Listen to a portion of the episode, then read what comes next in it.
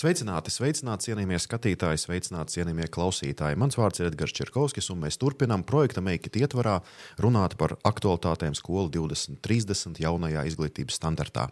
Un šodien man ir patiesas prieks mūsu studijā arī sagaidīt izcilu personību, kas pievienojas mūsu viesu sarakstam - vēsturnieks, zinātņu doktors Imants Ļaviņš. Sveiks, Imants! Un ņemot vērā to, ka mums šodien ir pietiekami interesanta tēma, mēs runāsim par, par, par demokrātiju, valsts interesu pārvaldīšanā. Mēs sāksim kā parasti ar tādu nelielu jau par tradīciju tapušo brīdi, kad mūsu viesi pastāsta par sevi. Jo arī palasot par tevi internetā, var atrast ļoti daudz interesantas lietas. Un, uh, ņemot vērā, ka mūsu klausās arī vairāk skolēni, varbūt arī daudziem ienāks prātā doma kļūt par vēsturnieku, varbūt arī par zinātņu doktoru, kas tad īsti ir jādara, lai sasniegtu tādus patiešām augstus rādītājus? Ceļš līdz zinātnē doktoram noteikti nav no vieglākajiem. Un, jāsaka, varbūt tieši kā ir smags. Varbūt, varbūt pirmajā brīdī noteikti ieteiktu izvēlēties kādu citu mhm. ceļu, jo vismaz laiks viņā tas ir gana ilgi. Jo jāpabeidz vidusskola, pēc vidusskolas. Tagad šobrīd varētu būt tā, ka ir bakalaura studijas, pēc bakalaura studijām ir ma maģistra studijas. Mm -hmm. Tad ir e, trīs gadi ir teorētiskā sagatavotība doktora studiju programmā. Tāda it kā vajadzētu būt periodām divi gadi, kad, e, kad topošais doktors, kurus sauc par doktorantiem mm -hmm. un vēlāk jau zinātniskā grāda pretendentiem, uh, raksta savu promocijas darbu. Parasti tas aizņem divus gadus eh, vai ilgāk. Tā kā šis ceļš ir gana ilgs un eh, noteikti prasa gana daudz pūles. Un arī finansiāls ieguldījums katrā ziņā eh, tas ģimenei noteikti rada dažādas sarežģījumus. Bet, ja skatāmies šo No otras puses, kā līdz tam aizdomājos, kāds bija tīri reālais ceļš, tad jāsaka, ka pirmsākuma noteikti ir meklējami interese par arheoloģiju, mm. kas pilnībā būtu saprotama visiem skolas vecuma bērniem. Un jau 6. un 7. klasē man bija iespēja Tais tālajos laikos piedalīties arheoloģiskos izrakumos Vladislava Urtāna vadībā aizkrauklos Pilskalnā. Tas bija tas pirmais brīdis. Pēc tam šī uh, interese par arheoloģiju ilga vēl vairāk nekā desmit gadus. Un uh, jau pēc tam es saskatīju, saskatīju ka man interese vairāk ir uh, papētīt, kāds, kāds skatījums ir bijis pagātnē, citās tautās, citās civilizācijās, ko piemēram citas tautas ir zinājuši par mums. Un tā interese aizgāja uz islāma civilizāciju, kur specializācija bija islāma. Uh, zinātņu, tehnikas un mākslas vēsturi, ko arī esmu eh, docējis eh, augstskolā gan bakalaura, gan, gan, gan maģistra programmās. Dabiski, ka Latvijā ša, šaura specifiski interesi joma, liela interesi neizraist, tāpēc pārsvarā ar referātiem un priekš, referātiem priekšlasījumiem uzstājos uh, ārpus Latvijas. Uh, dabiski, ka mm, interesējoties par islāma uh, zinātni, filozofiju, uh, radās arī interese par sabiedrību, par reliģiju, kas ir ļoti interesanti. Pie mums iespējams, ka esam diezgan maz uzmanību tam pievērsuši. Es um, arī tā paskatoties, arī papētot arī mm, par uh, uzstāšanās konferencēs, tā saprotu, ka ir arī bijušas ļoti interesantas valsts, kā piemēram Katāra vai ne? Jā, Jā. Katā, katā, Katāras konferences ir veltīts uh, pārsvarā. Uh, Katārā konferences notiek um, katru otro gadu, un tās ir veltītas islāma mākslē. Tur tiku ieaicināts, tur tā no malas nevar pieteikties, kas norādīja visticamākais uz to, kā arī starptautiski man pētījumi ir novērtēti. Un, Un tās tiešām ir tādas konferences, kur nolasās no visas pasaules šīs jomas. Tajā, tajā gadījumā tā bija islāma mākslas speciālisti. Mm.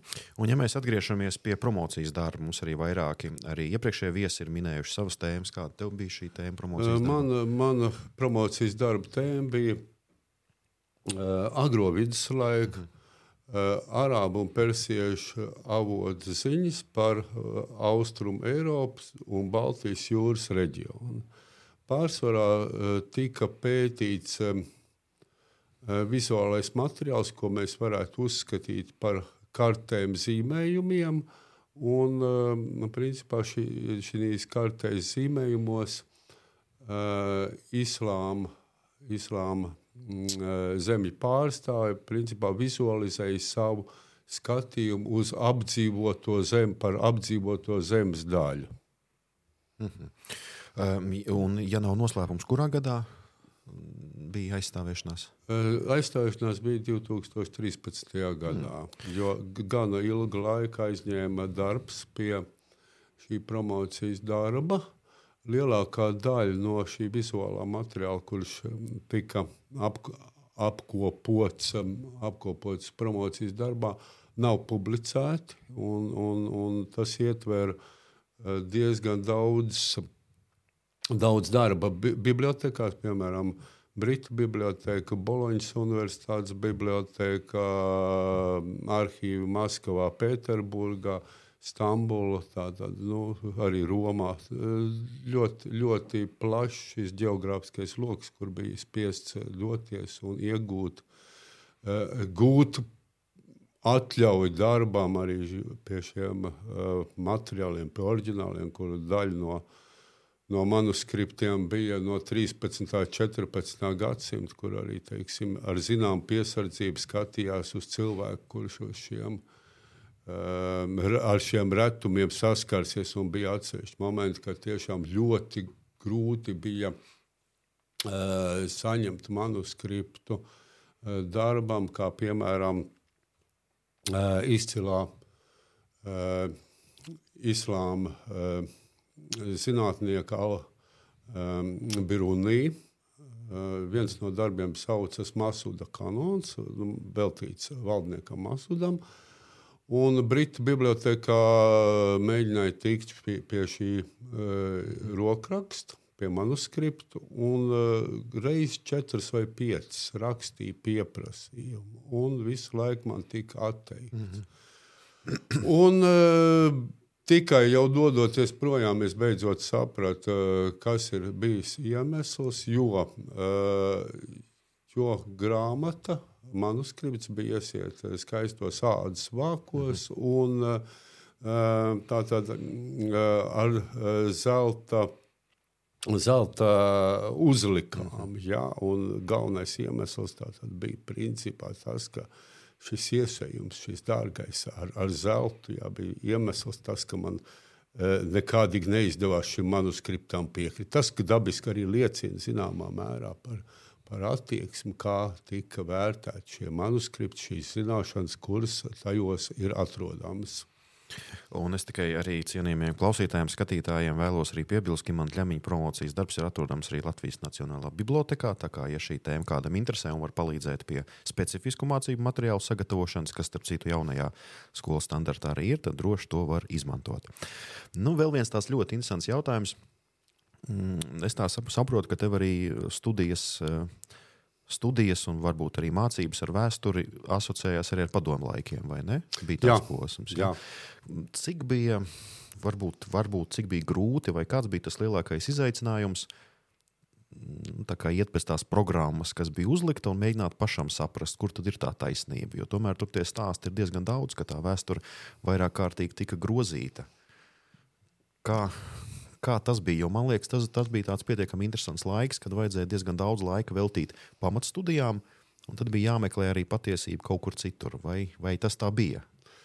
E, noteikti tas tā bija, jo katrā ziņā uh, mācību programma vēsturē, lai arī tā bija noteikti krietni plašāka nekā šobrīd. Mm -hmm. Bet, bet daļa, daļa no šīm vēstures, vēstures materiāla bija ideoloģiski savādāk pagriezt. Jā, tad atbilda, atbilda pārsvarā tika vērsta uzmanība ar apspiestiem zemniekiem, šķirciņu, marksismu Un, un eh, dabiski bija nepieciešams eh, atbildot kādu uzdoto vielu eh, skolā, piemēroties šiem standartiem, ko no tevis sagaida. Dabiski, ka bija interese arī par citu. Var teikt, ka Latvijas vēsture tajā laikā plašāk varēja gūt ieskatu no tāda akadēmiķa drīzuļa. Uh -huh. Drīzuļa Latvijas vēstures teiksim, ķieģeļa. Un, un, un, un dabiski, ka tas nebija pietiekami. Nu, tad, lai papildinātu šīs zināšanas, bija man kā skolēnam bija interese piekļūt pie šādiem Latvijas laika izdevumiem, kā teiksim, pasaule.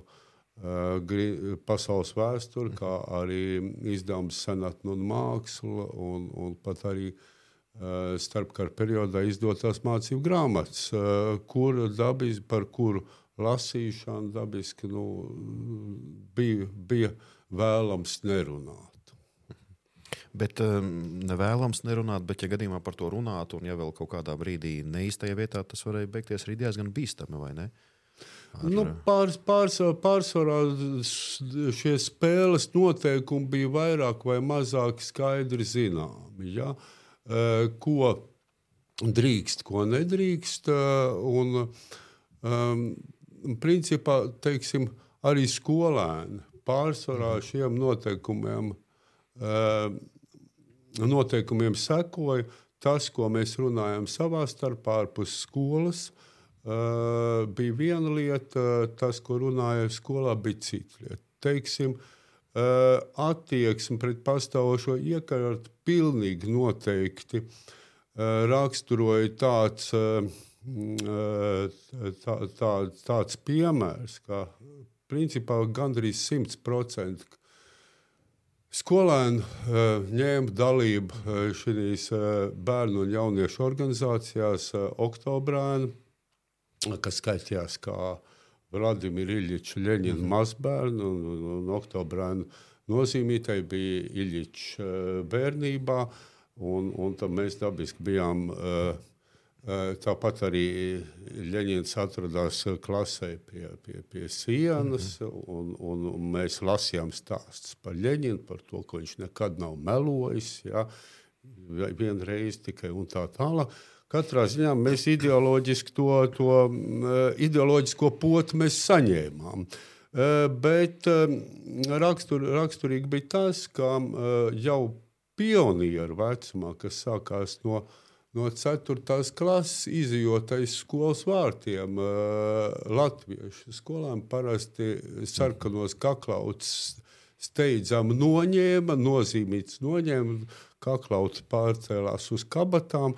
Vienmēr tāpēc tie šie kakla, sarkanie kaklauti bija tādi saņurcīti. Ja? Un, teiksim, pat, pat bija tādi gadījumi, ka es esmu dzirdējis, ka skolā ierodas Eh, jauns skolēns, kurš iepriekš mācījies eh, citā brālīgajā republikā un ierodas uz ekskursiju ar, ar sarkano mhm. kaklu, ap kaklu. Nu, un, un, un, un par to eh, viņu tomēr tā izsmeja. Tā kā tās principā zināma opozīcija veidojās jau skolas vecumā. Mm -hmm. Bet uh, daudz arī min, ka, ka tas bija tāds, tā informācija, kas tika uzņemta arī no Lielņina kopotiem rakstiem un no daudziem citiem tā laika ideologiem, ka viņi tomēr bija veltīga un ka tas laiks bija pazaudēts. Vai tas tā tomēr ir, vai tas tomēr arī deva zināmu mācību, tomēr spēja sevi kaut kādā brīdī piespriest, eh, tātad piespiest izlasīt to visu milzumu lielo apjomu, vai tas tev kaut ko dzīvē deva? Vai... Noteikti, Noteikti. jo teiksim, kā teikt, lai, lai zinātu, mm -hmm. lai cīnītos ar ienaidnieku, viņš ir jāzina. Nu, nu, pasniegsim to šādi. Man bija, manā dzīvē bija arī periods, kad, kad es biju iesaukts. Mm -hmm. Ilgi izvairījos, bet tika tomēr izsaukts par padomi armijas mhm. rindās. Un, un, tur man radās iespēja Eh, izlasīt eh, visus Leņķina, Leņķina rakstus, plus vēl Kāļa Marks, Kapitāla un Engels. Uh, Vienu elementāru iemeslu dēļ, tāpēc, ka uh, tā saucamajā sarkanajā stūrītī vienkārši cita literatūra nebija pieejama. Un noteikti uzskatu, ka mm, ar šiem darbiem vajadzēja iepazīties it sevišķi.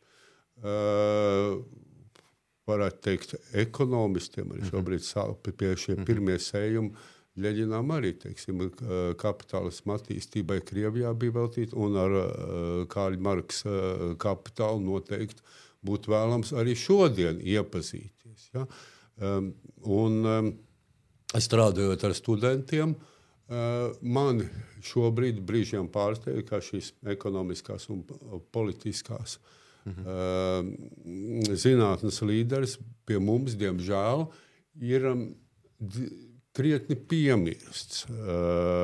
Un daudzos gadījumos studenti var teikt, pat gandrīz neko nav dzirdējuši. Nemaz nerunāsim par to, kā, kā attēlos neatpazīst. Mm -hmm.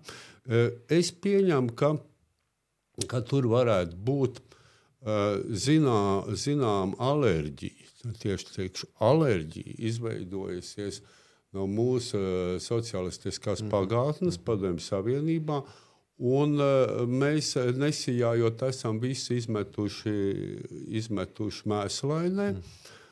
Un, un, un teiksim, ir diezgan dīvaini, ka mēs šo autoru neapskatām nelasām. Ja? Jo, jo bez, bez Marksa un, un, un Marksa darbiem un Marksa idejām noteikti mēs nevaram gūt priekšstatu par, par jauno strauju. Mēs nevaram Latvijas vēsturē par jauno -hmm. strauju. Mēs nevaram gūt uh, dziļu priekšstatu par 1905. gada revolūciju. -hmm. Mēs nevaram īsti saprast 17. gada februāra revolūcijas notikums Krievijas impērijā, kuras sastāvā mēs tomēr bijām.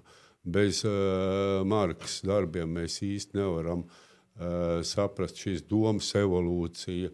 Uh, jau pie Leņķina, pēc tam pie Staļina un pēc tam, kas notika pasaulē, uh, kad pasaule sašķērās divās pretējās nometnēs, un šī sašķelšanās, var teikt, šobrīd vēl nav mhm. beigusies, kur mm, mark, marksismu ideoloģija ir mm, teiksim, filozofijas pamatā vēl joprojām. Uh, Ķīnas Tautas Republikā, kas no, kā tāpat kā Ziemeļkorejā, Kubā. Un, un, un tā kā noteikti mums ar šīm idejām ir nepieciešams iepazīties. Un ja mēs nokļūstam, piemēram, kādās rietumu universitātēs un paskatīsimies uz sludinājumu dēļiem par diskusijām, tad eh, ļoti daudz un plaši notiek diskusijas jā, par Marksu, par Marksu kapitālu, par, par šo, šī darba uh, nozīmīgumu. Tā kā, nu, varbūt mums ir nepieciešams drusku plašāk arī paskatīties bez šīs un atmest šo alerģisko reakciju. Mm. Šis um, patiešām bija ļoti interesants stāstījums, jo viss tas, ko tu pateici, pilnīgi tādā, nu, nu es pateikt, no savas tādas personiskās pieredzes, ir iekļauts jaunajā skola 2030 standartā. Tāpēc skolotāji, kas mūs klausās, visticamāk, skolotājiem tas ir skaidrs. Bet, ja skolēniem tas nav skaidrs, tad patiešām te vajadzētu iedziļināties un padomāt un salikt to visu diezgan loģiski Eh, kopā, jo tas, kā mēs redzam, var palīdzēt atrisināt arī šodienas sabiedrības problēmas, vismaz savā izpratnē. Um, ja mēs atgriežamies sarunā par demokrātiju, um, vēsturiski Latvijā, kā mēs aptuveni varētu tā tīri nu, no Nu, lai to varētu saprast vidusmēra cilvēks, no kura posma Latvijā var sākt runāt par demokrātiju? Uh, visdrīzākais par demokrātiju mēs varam, varam runāt uh, jau. Vai diemžēl, diem, diem, diemžēl uh, līdz ar Latvijas valsts izveidi, mm -hmm. jā, un, un, kur teiksim, šie demokrātijas mhm. principi mm -hmm. tika iedzīvināti. Jā. Uh, un, un daudzajā ziņā uh, mēs bijām pat uh, līderi atsevišķās mm -hmm. jomās. Teiksim, ja, ja paskatīsimies sieviešu vēl, vēlēšanu balstiesības, mm -hmm. ja, paradoxāli, ja, kā teiksim, šeit mēs bijām pirmajās rindās. Ja skatāmies tādā ka sieviešu balstiesības mm -hmm. mēs oficiāli varam saistīt ar 1918. gadu. Tad noteikti tādās, tādās zemēs kā Itālija, mm -hmm. Francija, Spānija. Francijā vispār sieviešu balstiesības, ja nemaldos, sievietes iegūt tikai pēc otrā pasaules mm -hmm. kara. Itālija, tātad Francija, Spānija. Uh, Eh, Pat Šveice, kuras eh, sievietes balstiesības, ja nemaldos, iegūta 71. gadā, 1971. Tā kā mēs bijām līderi, un mēs noteikti nevaram, eh, nevaram noliegt, ka lielākā daļa, ka ļoti liela ietekme teiksim, valsts tapšanā bija sievietēm. Mm -hmm. Eh, tāds, tāds paradoxāls aprēķins, ka uh, satversmes sapulces vēlēšanās Rīgā vien no vēlētājiem 66 vai 67% bija sievietes. Tā kā izteikts vairākums. Ja? Tā kā, nu, nevienmēr uh, mēs varam sevi pozicionēt kā kaut kur iedzinējis. Mm -hmm. Mēs kaut kur esam bijuši arī līderi. Šis patiešām ir pietiekami interesants, jo patiešām, ja mēs sākam skatīties tā laika vēsturi un salīdzināt demokrātiskos principus, tad Latvija patiešām bija patiešām ļoti, ļoti, ļoti progresīva priekš tiem laikiem. Un to arī pieminēja sievietes, laikam noteikti ir jāpiemina vēl šajā kontekstā. Uh, arī jau pēc tam 1922. gads Latvijas Latvijas izveidošana, kur ļoti lielu lomu nospēlēja tieši Latvijas sieviešu zelta fonds, eh, kur vadītāja bija Ivanda Kāja, kas arī nu, ar kaut kādu ļoti lielu izteiktu cerību par brīvu Latviju, par to, ka mums ir dota savu iespēju arī vāc kopā sievietes, kas ziedoja zeltu, lai izveidotu Latvijas zelta rezerves, kas uz doto mirkli ir jau tuvu pie 9 tonnām. Diezgan liels ieguldījums bija arī tajā laikā. Ja mēs skatāmies tos posmus, tieši runājot par Par, par demokrātiju nevelti ir tāda frāze, viņa varbūt nav īpaši populāra, bet ir, ka nu, Kārlis Ulmans atvēra demokrātiju Latvijā un viņu aizvēra. Nu, nu, kā tad tur īsti ir? Kāpēc bija nepieciešams tāds solis, ja jau viss bija tik labi un viss tik labi gāja? Kāpēc tad bija vajadzīgs no Kāļa Ulmaņa tāds nu, gājiens, nosauksim to tā? Uh, jā, runājot par apgājumu. Šī, šī varētu būt um, tāda. Uh, jutīga tēma jā, jā, jā. latviešu sabiedriskās domas teiksim, lauciņām. Jo kā Lūmana mēs jau vēl joprojām nevaram analizēt tā ar vēsu mhm. prātu. Jo, jo sarunu valodā vēl joprojām Uh, bieži mēs lietojam uh, terminu -hmm. ulmaņa laika. Un ulmaņa laiks saistās ar zināmu pārticību, labklājību, ar ekonomisko uzplaukumu, ar, ar skolu būvi. Ja? Ar vadoni, ar stingru roku, kurš ved tautu uh, pareizajā virzienā, laimībā. Iespējams, ka uh, uz šo, uz šo jautājumu atbild noteikti nav viennozīmīga.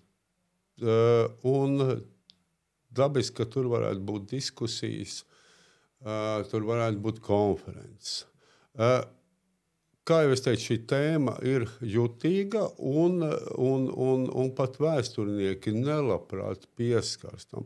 Es mēģinātu atrast skaidrojumu iekš tā, ka, ja skatāmies tāds izcils autors kā Samuels Huntingtons, mm -hmm. kurš vispār ir iekļauts arī šobrīd vidusskolas programmā, civilizācijas sadursmes autors, viņam ir tāda teorija par trim demokrātijas uzplūdiem. Ja? Un, uh, kā pirmais uzplūds um, tiek, um, viņš iezīmē no 1820. līdz Pirmam pasaules karam aptuveni. Tad tie, tie būtu šie pirmie uzplūdi demokrātijas, tad ja tiek iezīmēti jau starpkara periodā demokrātijas atplūdi. Tad ar 45. gadu un otrā pasaules kara beigām tiek uh, rēķināta akala. akala. Otrais vilnis uzplūda, uh, tiek iezīmēts otrais atplūdums, kas varētu būt saistāms ar zināmiem diktatoriskiem režīmiem un situācija Āfrikas kontinentā, kas, ja nemaldos, sākot no 59. gada, un tad kā trešais, trešais atplūds, uzplūds būtu jau šis laika posms ar sociālistiskās sistēmas sabrukumu. Tā kā, ja skatāmies pēc šī Huntingtona klasifikācijas, kur dabiski, dabiski ne visi piekritīs. Tad šie demokrātijas ap, atplūdi, jeb bēgums, ir starpkara periods. Mēs noteikti varam runāt par to, ka, ka visas lielākā daļa Eiropā šīs demokrātijas bija jaunas. Ja mēs skatām nosacīto austrumu Eiropu, tad tās bija tikko radušās un nebija spējīgas tajā brīdī pretstāvēt šiem autoritārismu tendencēm. Ne tikai Kārls Ulmans, ja mēs paskatāmies tuvākajā apkārtnē, gan Lietuvā, gan Igaunijā bija līdzīgi procesi. Mhm. Un, ja skatāmies drusku plašāk, tad, ja nemaldos, tikai Čehoslovākijā bija saglabājies tīri demokrātiski iekārta. Ja paskatāmies šis tēls, tēls Ulmaņa, tad tīri no ekonomiskās puses vērojot, ļoti veiksmīgs brīdis bija šis 1934. gads jo nosacīt mēs varam uzskatīt, ka tas ir laiks, kad beidzas uh, pasaules uh, ekonomiskā krīze.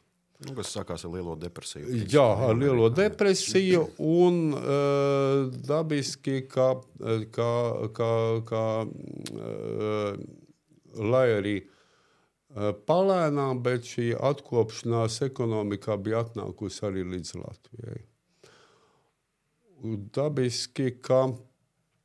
Uh, Un, jā, otrs, ko mēs varam minēt, noteikti ir šis uh, autoritārais uh, vad, vadī, vadonības stils. Uh, plus uh, valsts, daudzie valsts, mo, mo, valsts uh, monopoli, ka teiksim, šis, šie paši uh, bekona eksports, svieks eksporti, jā, tātad atsevišķas teiksim, ekonomikas jomas bija pilnībā pakļauts, pakļauts um, valsts uh, pārvaldībai. Un, nu, tad dabiski arī um, ņemot vērā to, arī autoritārā režīma ietvaros bija iespējams novirzīt uh, finanses uh, vēlamajā virzienā, kas bija dabiski skolas, kur mēs nekādas mm -hmm. arī nevaram. Un, un, un, un, un un slimnīcas, kā arī teiksim, visas pārējās jomas. Šis patiešām bija ļoti labs. Man arī ļoti patika, kā tu piemini arī tos starptautiskos notikumus, un, un piemini arī to, kas notika Eiropā, un tepat arī plašāk. Tā kā te skolotājiem arī patiešām ir tas lielais izaicinājums salikt to kopā arī ar visu. Ar visu pārējo notikumu klāstu, arī gan tepat kaimiņos, gan arī pasaulē. Um, ja mēs skatāmies mm, tālāk, tātad beigušies šie saucamie ulmaņa laiki, un tad varbūt izlaidīsim arī tos mazos posmus, kas saistījās ar, ar vācu laikiem. Tā tālāk mums, diemžēl, tik daudz laika nav. Bet ņemot vērā, ka tā, ka tā dzīve jau tajos pirmajos demokrātijas posmos, jau dibinot Latviju, tam arī Ulmaņa laikos, ka viņa bija tik laba un, un iespējams daudz patiešām to atcerās kā savus dzīves skaistākos laikus. Nu, Kāpēc tad īsti nebija, vai varbūt bija, bet par to neviens nerunā, jo pēc tam tāda liela pretošanās tieši tiem padomu laikiem. Tā bija kaut kāda spēcīga mašinērija, kas to visu pakļāva uz zemes. Kāpēc tas, tā atmoda veidojās tikai 20. gadsimta beigās? Kāpēc nebija tās pretošanās uzreiz pirmajos gados? Jā, šis e, jautājums, jā, smags jautājums. Uh, pretošanās. Uh, vairāk, vairāk uh, cilvēku, ar kuriem, ar kuriem man iz, ir iznākusi saruna par šo mm 40. gada okupāciju.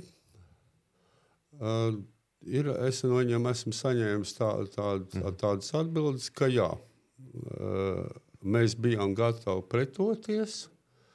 Aizsargi, aizsargi bija gatavi mm -hmm. cīnīties, bet principā visu noteica šī slavenā mm -hmm. Ulmaņa runa, kurā mm -hmm. viņš postulēja to, ka viņš paliek savā vietā un viss paliek savā vietā. Un varbūt šī ulmaņa autoritāte, ja, mēs noteikti nevaram noliegt to, ka Ulmanis bija harizmātisks uh, vadonis ja, un autoritāte. Tas varētu būt viens. Otrs, noteikti būtu uh, jāpiemina tas, ka uh, tomēr uh, arī uh, Ulmaņa diktatūras laikā, jā, tieši diktatūras mm. laikā, uh, prese bija pakļauta cenzūrai. Un pats dīvainākais ir tas, ka uh, informācija par notiekošo Padomju Savienībā uh, līdz, līdz Latvijas iedzīvotājiem nenonāca. Tur mēs varam paskatīt vairāk izcilo mūsu vēsturnieku pētījums publikācijās, kur šī, mhm. kur šī, mhm. šī darbība ir. Vēl es varbūt pie iepriekšējās tēmas, tēmas vēlētos piebilst. Īsnībā šī vēlme varbūt slēptā veidā pēc šī uh, Eh, tēvišķā, eh, spēcīgā mm -hmm. vadoņa, mm -hmm. man brīžiem ir redzama vēl joprojām pat eh, skolas mācību grāmatās, ja? kur virknē ar pārējiem Latvijas valsts prezidentiem mēs redzam arī Kārlu Ulmanu. Mm -hmm. Varbūt, varbūt kaut kur beigās ir pieminēts, ka ir noticis sapvērsums. Bet, teiksim, jā, mēs viņu dēvējam par uh, prezidentu. Mm -hmm. Uh, prezidenta amata izpildītāju, vai tā savādāk, bet katrā ziņā nav uh, ieņemta stingra pozīcija mm -hmm. par to, ka uh, šī, šī, šis amats bija ieņemts neleģitīmi. Šis, starp citu, ir tas ļoti, es atvainojos, nedaudz pārtraukšu. Ļoti interesanti. Egīls Levits eh, bija viens no tiem, kas savā pirmajā darbībā, kļūstot par prezidentu, diezgan aktīvi par to runāja. Pēc tam, laikam, varbūt, kad gāja tā pandēmija, viss tas bija apstājās, bet viņš patiešām minēja, ka tas jautājums ir jāsakārto un ka viņu nevar likt līdzās eh, valsts prezidentiem. Nu, būtu interesanti paskatīties, kāpēc tas viss arī tā beidzās. Jā, ja mēs mhm. paskatīsimies prezidenta kancelēs mājaslapā, ja mm -hmm. nemaldos, mēs redzam, jā, piebilde mm -hmm. ir. Bet uh, virk, virknē, prezidenta virknē, mēs uh, kā Lulmanu vēl joprojām redzam. Es saprotu to, ka dažam labam tas neliksies. Mm -hmm. Neliksies uh, nepatīkami, bet, mm -hmm. nu, principā, vai nu mēs esam stingrās demokrātijas pozīcijās, vai arī mēs tomēr taisām kaut kādus izņēmumus. Mm -hmm. Jā, un tie izņēmumi šajā gadījumā, kā mēs zinām, var būt diezgan bīstami pēc tam tālāk. Jā, ļoti interesanti. Varam jau arī analizēt. Mm. Varam atrast arī attaisnojumus, jo šai kāļu ulmaņa darbībai, jo piemēram, izējot no termina demokrātija, tautas mhm. vara vai tautvaldība. Ja, noteikti mēs varam, noteikti varam konstatēt, ka Ulmans jutās, ka viņam ir dots tautas mandāts, ja, mm -hmm. ka viņš iet pareizo ceļu. Un uh, nesen, uh, Edgars, no tevis es -hmm. saņēmu uh, Ulmaņa runu. Mm -hmm. jā, jā, jā, jā, pēc 34. gada 15. māja un, un klausījos ar dziļu interesi. Un visbiežāk lietotais vārds viņa runā bija tauta. Mm -hmm. ja? Principā, jā, viņš uzskatīja, ka uh, šī virzība, šis vektors ir pareizais. Ja? Bet, nu, tā jau būtu uh, tēma citai garākai diskusijai. Bet uh, vismaz mēs saņēmām jau tādu pareizu virzienu, kā vajadzētu skatīties šajā jautājumā. Tas bija tas pats galvenais, jo patiešām es arī no daudziem jauniešiem esmu uh, dzirdējis jautājumus, ko, protams, es uh, nevaru atbildēt, bet patiešām bija tā, nu, kāpēc tad tik ilgi bija, nu, kāpēc, nu, kur tad bija tie iemesli un tā. Ja mēs atkal, mums arī laiks ļoti strauji iet uz beigām, un tad, ja mēs mēs jau saskatām to padomju savienības sabrukumu. Un tad, eh, kad mēs jau atkal runājam par tādu otru lielo uzplaukumu Latvijā, nu, kādi bija pēc, pēc tavām domām tie galvenie iemesli? Jo mm, daudz kas tiek pieminēts, daudz piemin Černobiļu. Neskāpēc, ja, bet tur arī ir savi iemesli sakarā ar to visu slepenību. Un, un, un tā daudz piemēra Berlīnas mūra krišana, ka tas bija tas lielākais iemesls un, un arī stimuls arī daudziem Latvijā, kur arī Reigans pielika savu roku. Nu, kāds būtu tas tavs tas skatījums, varbūt tas galvenais iemesls, kas mums lika saņemties, ka tas ir tas īstais laiks? Mm. Arī grūts jautājums, bet. Nu, principā, Černobiļas uh, dabiski mana atbilde būs daļai subjektīva. Ja? Uh, šajos, šajos smagajos laikos, teiksim, tas pats Černobiļas periods noteikti bija viens no momentiem, kas Eh, nedaudz padrupināja šo sistēmu. Jo pilnīgi noteikti parādīja uz teiksim, šo informācijas līdzekļu, teiksim, preses, televīzijas, mhm. rādio melīgumu. Jā, jo es pilnīgi precīzi atceros to, uh, to informācijas vakumu, uh, ka pēc Černobiļas avārijas nekas netika ziņots, un uh, pilnīgi precīzi zina, ka tajā uh, pēc avārijas, ja nemaldos, otrajā vai trešajā dienā bija ļoti skaists, mm -hmm. skaists laiks, un mēs visi devāmies sauļo, sauļoties uz jūrmali. Ja, ne, nebija ne mazākā nojausma par to, ka notikusi šāda avārija. Tikai vēlāk, un vienīgo informāciju mēs saņēmām no tā sauktām naidīgajām balsīm, Amerikas balss, brīvā mm -hmm. Eiropa un tā mhm. tālāk. Mm -hmm. Katrā ziņā tas pilnīgi pierādīja to, uh, kāda ir šis, kāds ir šis informatīvais fons. Jā, tā kā tas noteikti bija. Bet visdrīzākais arī nepatīkami bija. Uh, zināmā mērā uh, daļai sabiedrības un, un, un bija nepatīkami Eh, bija satraucoši un traumējoši tas, ka cilvēki tika iesaukta, iesaukti padomju armijā uz, uz pārapmācību un tika nosūtīti uz šo likvidēšanu, kur nu, teiksim, vēl, vēl šobrīd mēs šīs sekas redzam. Uh, ka daudziem cilvēkiem daudz cilvēki ir gājuši bojā, daudziem -hmm. ir mhm. veselības. Tas varētu būt viens Černobiļa noteikti nedaudz padrupināja.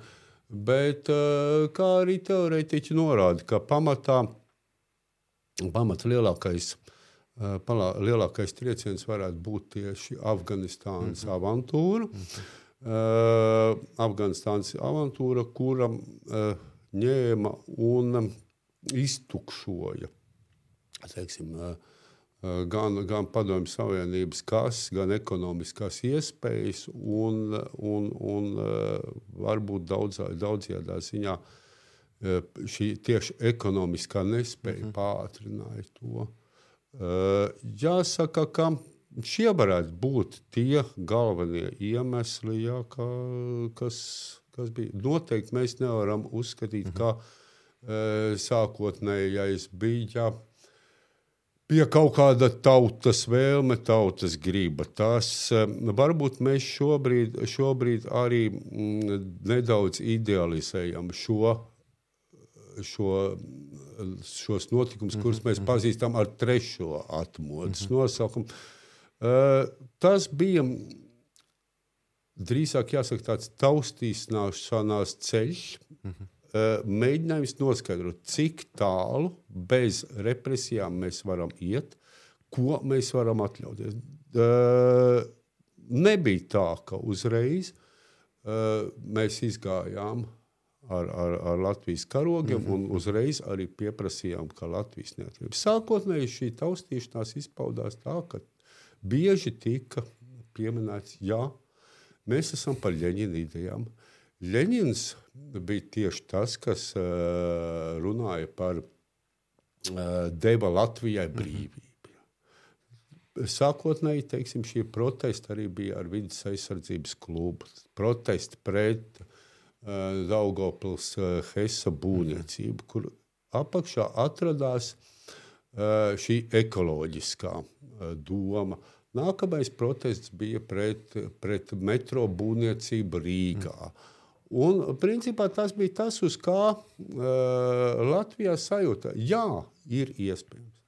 Dabiski, ka mēs varam arī atcerēties to uh, cenzūras atslābumu daudzās, daudzās avīzēs, kaut vai tajā pašā literatūrā, mākslā, padomju jaunatnē, kur, kur uh, pēkšņi parādījās raksts. Tā kā šis ceļš par uh, arī latviešu aizādājums Latvijas simbolikas lietojums pašā sākotnējā posmā netika uztverts, uztverts, uh, uztverts uh, viennozīmīgi. Uh, pat uh, atmodas līderi kaut kādā brīdī nosodītos jau pirmos astnus, kad jaunieši izgāja, izgāja ielās uh, ar šiem sarkaniem, baltiem, sarkaniem karogiem. Mm -hmm. Eh, kā vienu piemēru es noteikti varētu minēt, ka eh, šobrīd, eh, šobrīd tiešām augstu amatiem ieņemoša kultūras darbinieca. Es atceros, ka arī šajā pārmaiņas laikā uzstājās televīzijā. Bija tāds moments, ka pretī čaksts kā piemineklim mm -hmm. bija sastādīta liepiņu rinda. Jā Un aktīvisti bija šo lindiņu, e, to liepiņu rindu izrakuši un aizvākuši. Un šī izcilā mākslas zinātniece uzstājās televīzijā ar putām uz lupām un teica, ir nocicis vandalisma akts. Jā. E, dabiski, ka tas ir piemirsts, bet ir jāsaprot, ka arī šādi izcili -hmm. atmodas vadoņi laika gaitā mainījās. Jā, šī doma jau arī patiešām kļūst pēdējā laikā arī pietiekami aktuāla par to, kā cilvēks spēja pielāgoties katriem laikiem, un tad sāk arī daudz citas lietas analizēt. Par to mēs vēl mēģināsim kaut kad citos raidījumos parunāt.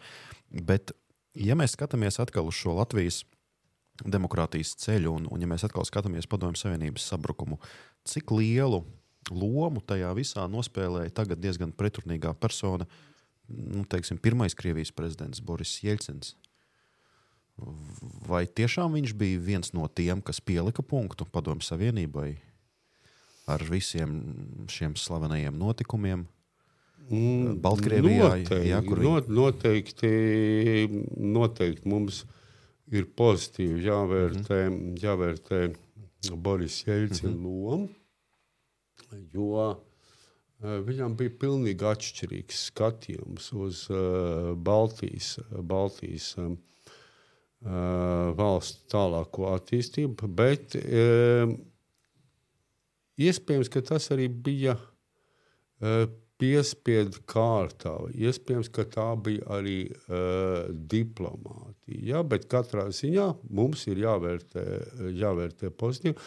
Es uh, uh, vienmēr, kad dodos uz, uz uh, uz mūsu kaimiņu valsti, Igauniju, mm -hmm. tad netālu no vecpilsētas uh, ir, ir, ir tāda piemiņas vieta Borisam mm -hmm. Jeļcinam. Jā, un, un, un es domāju, jā, varbūt mēs arī kādreiz varētu izvērtēt un kādu piemiņas vietu tomēr, tomēr iekārtot, bet noteikti tas ir jau citu laiku mm -hmm. jautājums. Mm -hmm. Jā, jo bieži vien tos laikus, nu, neskapēc arī nemaz tik mm, pozitīvi neustver, bet mm, no savas pieredzes, un, teiksim, lasot un, un teiksim, interesējoties par to visu, man patiešām likās, ka ļoti lielu lomu nospēlē tieši Boris Jelcins, un ka mums vajadzētu mm, patiešām vairāk padomāt par tiem laikiem. Un, un, un varbūt tāpēc arī te ir tā, tā lielākā problēma, tīpaši tagad eh, pēdējos gados arī ar notikumiem Krievijā, ka varbūt daudz arī īsti nevar saprast un uzdot jautājumu, nu, kāpēc Eiropa ir tik ļoti lika lielu uzsvaru tieši uz Krieviju. Ja? Bet, nu, ja mēs skatāmies pozitīvi 90. gadus, 93. gads Eiropas Savienības izveidošanās, visi tie centieni panākt attiecības ar Ameriku, ar rietumiem, nu, tomēr sākums jau, manuprāt, bija ļoti labs, un tas bija tieši pateicoties Borisam. Je, nu, teiksim, Jeļcinam līdz tam 2000. gadam, manuprāt, tas bija viens no, no, nu, no tādiem augstākajiem attiecību punktiem starp Ameriku, Krieviju, starp Eiropu, Krieviju. Ne? Uh, Nu tā ļoti īsi, bet. Uh, a, a, ies, iespējams, virzienā. ka jāsaka tā, ka, uh, diemžēl, jāsacina, ka, kā skatīties uz priekšu un paredzēt notikumus. Mm -hmm. Lielākā daļā gadījumu mums nav dots, un mēs to nespējam. Studentiem es dodu, dodu lasīt tādu Uh, politiskās domas, uh, jau tā var teikt, klasiķa darbu. Uh, Eh, vēstures eh, gals vai vēstures mm -hmm. beigas Francis Fukujāma. 90. Eh, gada sākumā visiem sociālo zinātņu studentiem šis bija obligātais darbs, un, un, un, un, un tas tika studēts. Kāds skatījās Francis Fukujāma uz tālāko vēstures attīstību? Viņš uzskatīja, ka šīs divu pasauļu um, uh, pretnostatījums ir beidzies. Un tagad vēst, ļoti novienkāršos Un tagad vēsturē ir iestājies tāds garlaicīgais moments, kad nekādas cīņas vairs ide ideoloģiskas savstarpējas nebūs, un vēsture attīstīsies uh, lēni, ritmi uz priekšu, bez kādiem, uh, bez kādiem tādiem uh, kritiskiem pavērsmiem. Un kur viņš saskatīja šīs, šīs pozitīvās tendences? Viņš saskatīja šīs pozitīvās tendences iekš tā, ka Maskavā atvērs McDonald's. Viņš saskatīja to, ka Irānā klausās roka mūziku. Ja? Nu, Nu, diemžēl jāsaka tā, ka Francis Fukujama arī bija spiests savus šos nedaudz naivos uh, paredzējums arī korģēt savos tālākajos darbos. -hmm. Ja skatāmies saistībā, nevienmēr ne uz visiem autoriem to varam attiecināt. Ja mēs skatāmies Samuela Huntingtona civilizācijas sadursmu, tad mēs paralēlus redzam, jo šīs vietas, kur civilizācija lūzuma vietas, šīs tektoniskie lauzumi, mm -hmm. ir precīzi paredzēti. Visi šie notikumi saistībā ar Ukrajinu, jā, Azerbaidžānas, Armēnijas konflikts, šīs, šīs konflikti iespējamie, kur, teiksim, lasot 90. gados, šie paredzēti iespējamās sadursmes civilizācijas starp, starp tā, tāda, is, islāmu un hinduismu, jā, nu, nu vispār likās neiespējami. Jā, mūsdienās mēs visu to paredz, pieredzam. Es domāju, ka šis ir ļoti labs arī tāds nobeiguma posms, un klausoties, laiks pagāja nemanām. Mēs jau gan izdevuši veselu stundu esam Nu, es, es negribu teikt, ka esam izdarījuši neiespējamo, bet mēs atkal esam izdarījuši to, ko mēs gribējām. Mēs esam uzdevuši diezgan svarīgus jautājumus, kas izriet no skolas 2030. Mēs esam izgājuši cauri vienam diezgan svarīgam vēsturiskam blokam Latvijas vēsturē, runājot par demokrātiju, ar speciālista skatu punktu. Imants ir pieminējis ļoti daudz vēsturiskos darbus un grāmatas, ko skolotāji varēs izmantot mācību materiālu veidošanā. Es domāju, ka ļoti daudz jauniešu, kas mūs klausījās, nu, ja jūs sapratāt, ka jums trūkst zināšanas šajos posmos un šajos jautājumos, par ko runā Imants, tad noteikti sāciet par to domāt. Jo, kā teica arī Vinstons Čērčils, mēs nevaram veidot nākotni, ja mēs nezinām vēsturi pareizi. Jā, un mums latviešu, Latvijas vidē ir daudz populārāks eh, teiciens, eh, kurš tiek pierakstīts Francim Balodim. Jā. Eh, kas pagātni pētī, tas nākotni svētī. Paldies liels uz šīs skaistās frāzes. Mēs arī beigsim, lai jums veicas, un priekšā ir smags laiks, izaicinājums šo skolu 2030 standartu ieviest, bet mēs visi cenšamies, lai viens otram palīdzētu. Cerēsim, ka tie augļi no šī standarta veidosies tikai kaut kad nākotnē. Paldies liels un uz tikšanos! Paldies! Atā.